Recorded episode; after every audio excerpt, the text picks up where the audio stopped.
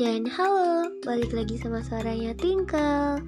Kali ini podcastnya judulnya BH No, Broken Home. Broken Home tuh bukan rumah rusak atau rumah yang bobrok.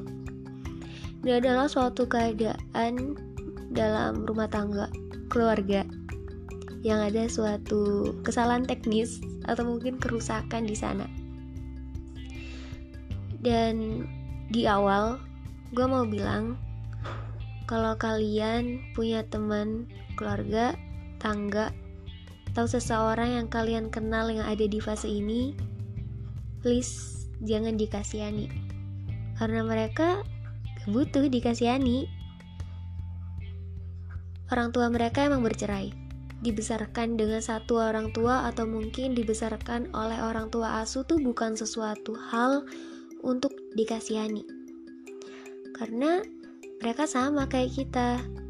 They also have love. Mereka tetap dikasih kasih sayang, tapi bentuknya aja yang beda. Karena semua orang tua tuh tahu yang terbaik buat anaknya. Dan menurut gua, anak-anak broken home tuh kuat di saat orang lain mandang buruk soal perceraian, anak broken home tuh dipaksa harus kuat dan tetap hidup di dalamnya. Mereka didewasakan keadaan dan itu hebat. Mereka tetap ketawa, mereka tetap nebar kebahagiaan meskipun sebenarnya tempat mereka buat pulang aja rasanya kayak medan perang. Di saat di rumah mental mereka dipacu gak karu-karuan, di luar mereka tetap bilang mereka baik-baik aja. Mereka kuat. Dan mereka juga lebih mandiri. Karena di saat keadaan di rumah gak bersahabat, mereka dipaksa buat bikin tempat ternyaman di sana. Dan gak usah ngejudge mereka karena mereka gak punya foto keluarga yang lengkap. Nanti mereka juga bakal punya kok. Iya, gak sekarang. Sekarang mungkin mereka makan sendirian, gak makan bareng di atas meja makan sambil rebutan lauk. Mungkin sekarang mereka main HP sendirian di kamar, scroll, scroll, scroll, karena mereka gak dapet momen buat rebutan remote TV di ruang keluarga. Tapi bukan berarti mereka nggak akan dapet itu selamanya. Nanti mereka bakal dapet kok. Iya, nanti dan anak broken home tuh lebih dewasa karena mereka tahu pahitnya kehidupan pernikahan dengan begitu mereka tuh bakal dewasa buat milih pasangan. Karena mereka nggak mau ngulang hal yang sama di masa anak-anaknya nanti. Mereka nggak mau anak-anaknya juga ngerasain apa yang dia rasain. Dikira enak. Mereka punya rumah tapi mereka nggak punya. Rumah adalah tempat pulang paling bagus, paling baik. Rumah adalah tempat pulang paling nyaman. Rumah itu tempat pulang yang benar-benar pulang. Di saat ada orang yang sayang sama kita dan care sama kita, dan ketika kita dapat masalah, kita pulangnya tetap ke rumah. Tapi anak broken home, his home is broke. Rumah mereka aja udah hancur mereka punya tapi bentuknya bukan bentuknya nggak utuh dan itu nggak nyaman. Dan ya itu rasanya nggak nyaman banget. Gak enak banget. Mereka nggak mau anak-anaknya harus ngerasain itu nanti. Kebanyakan anak broken home di circle-nya mungkin jadi anak yang ceria care sama temennya. Jiwa pertemanannya tinggi. Karena mereka tuh tahu rasanya gak ada orang yang peduli sama masalah dia rasanya gak ada orang yang care sama apa pun yang dia lakuin. Selalu ngerasa salah di rumah.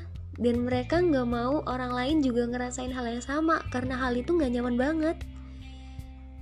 Kita ngelakuin apa-apa salah. Saat kita ada masalah kita nggak tahu mau lari ke mana. Karena kita dari awal emang nggak benar-benar nggak punya tempat buat pulang. Jadi itu mereka lebih care karena mereka tahu gimana rasanya nggak ada orang yang care sama sekali ke mereka. Kita emang gak bisa milih dilahirin dari keluarga yang kayak gimana utuh atau enggak kayak atau miskin dan lain sebagainya. Tapi kita bisa milih buat jadi orang tua yang gimana. Dan ya itu note buat broken home. Dan meskipun keluarga mereka nggak baik-baik aja bukan berarti masa depan mereka juga bakal hancur.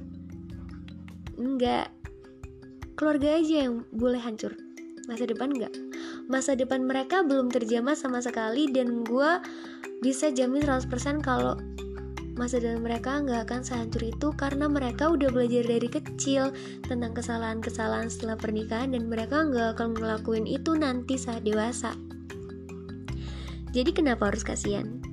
Mereka kuat, mereka mandiri, mereka lebih dewasa dan mereka mereka emang hebat, jadi ngapain kita harus kasihan atau mungkin bersimpati sama mereka? Mereka emang gak baik-baik aja. Ada yang hilang di hati mereka. Tapi there are some kids.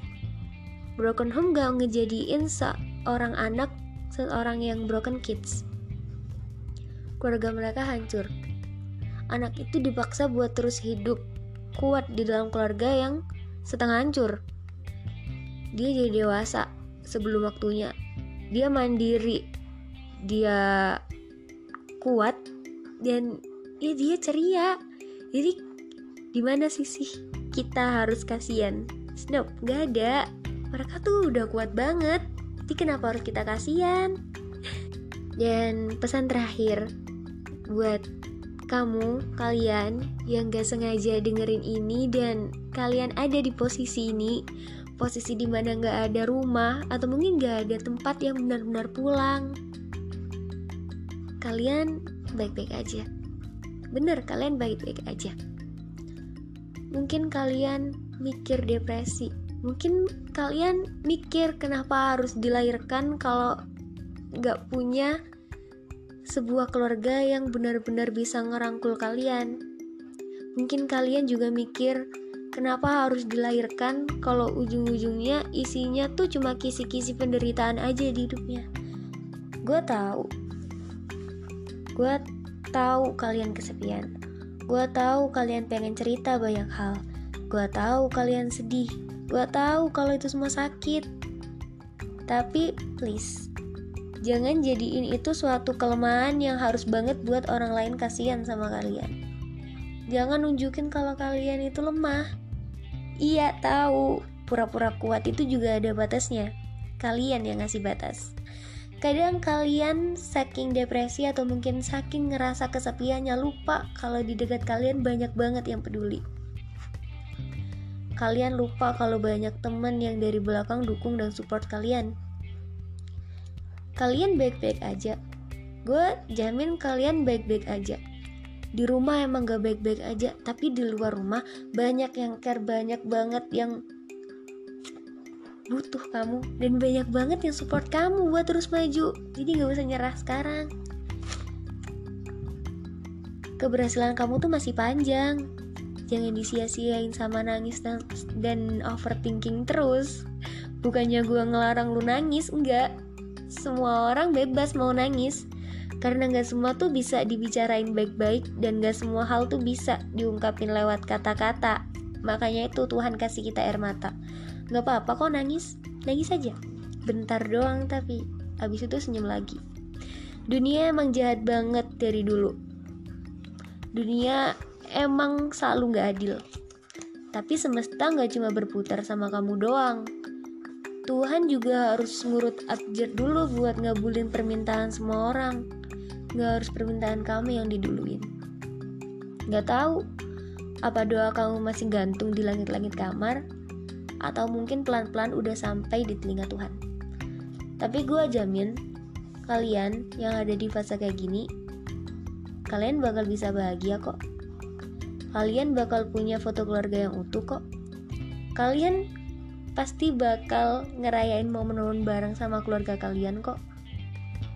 Dan ya kayaknya cuma itu doang pesen dari gue karena kalian tuh udah hebat banget sebenarnya kalian gak butuh motivasi apa-apa kalian udah hebat kalian kuat gue iri sama lu dan ya sekali lagi gue bilang lu hebat Sekian kayaknya podcast random kali ini. Balik lagi di minggu depan. See you.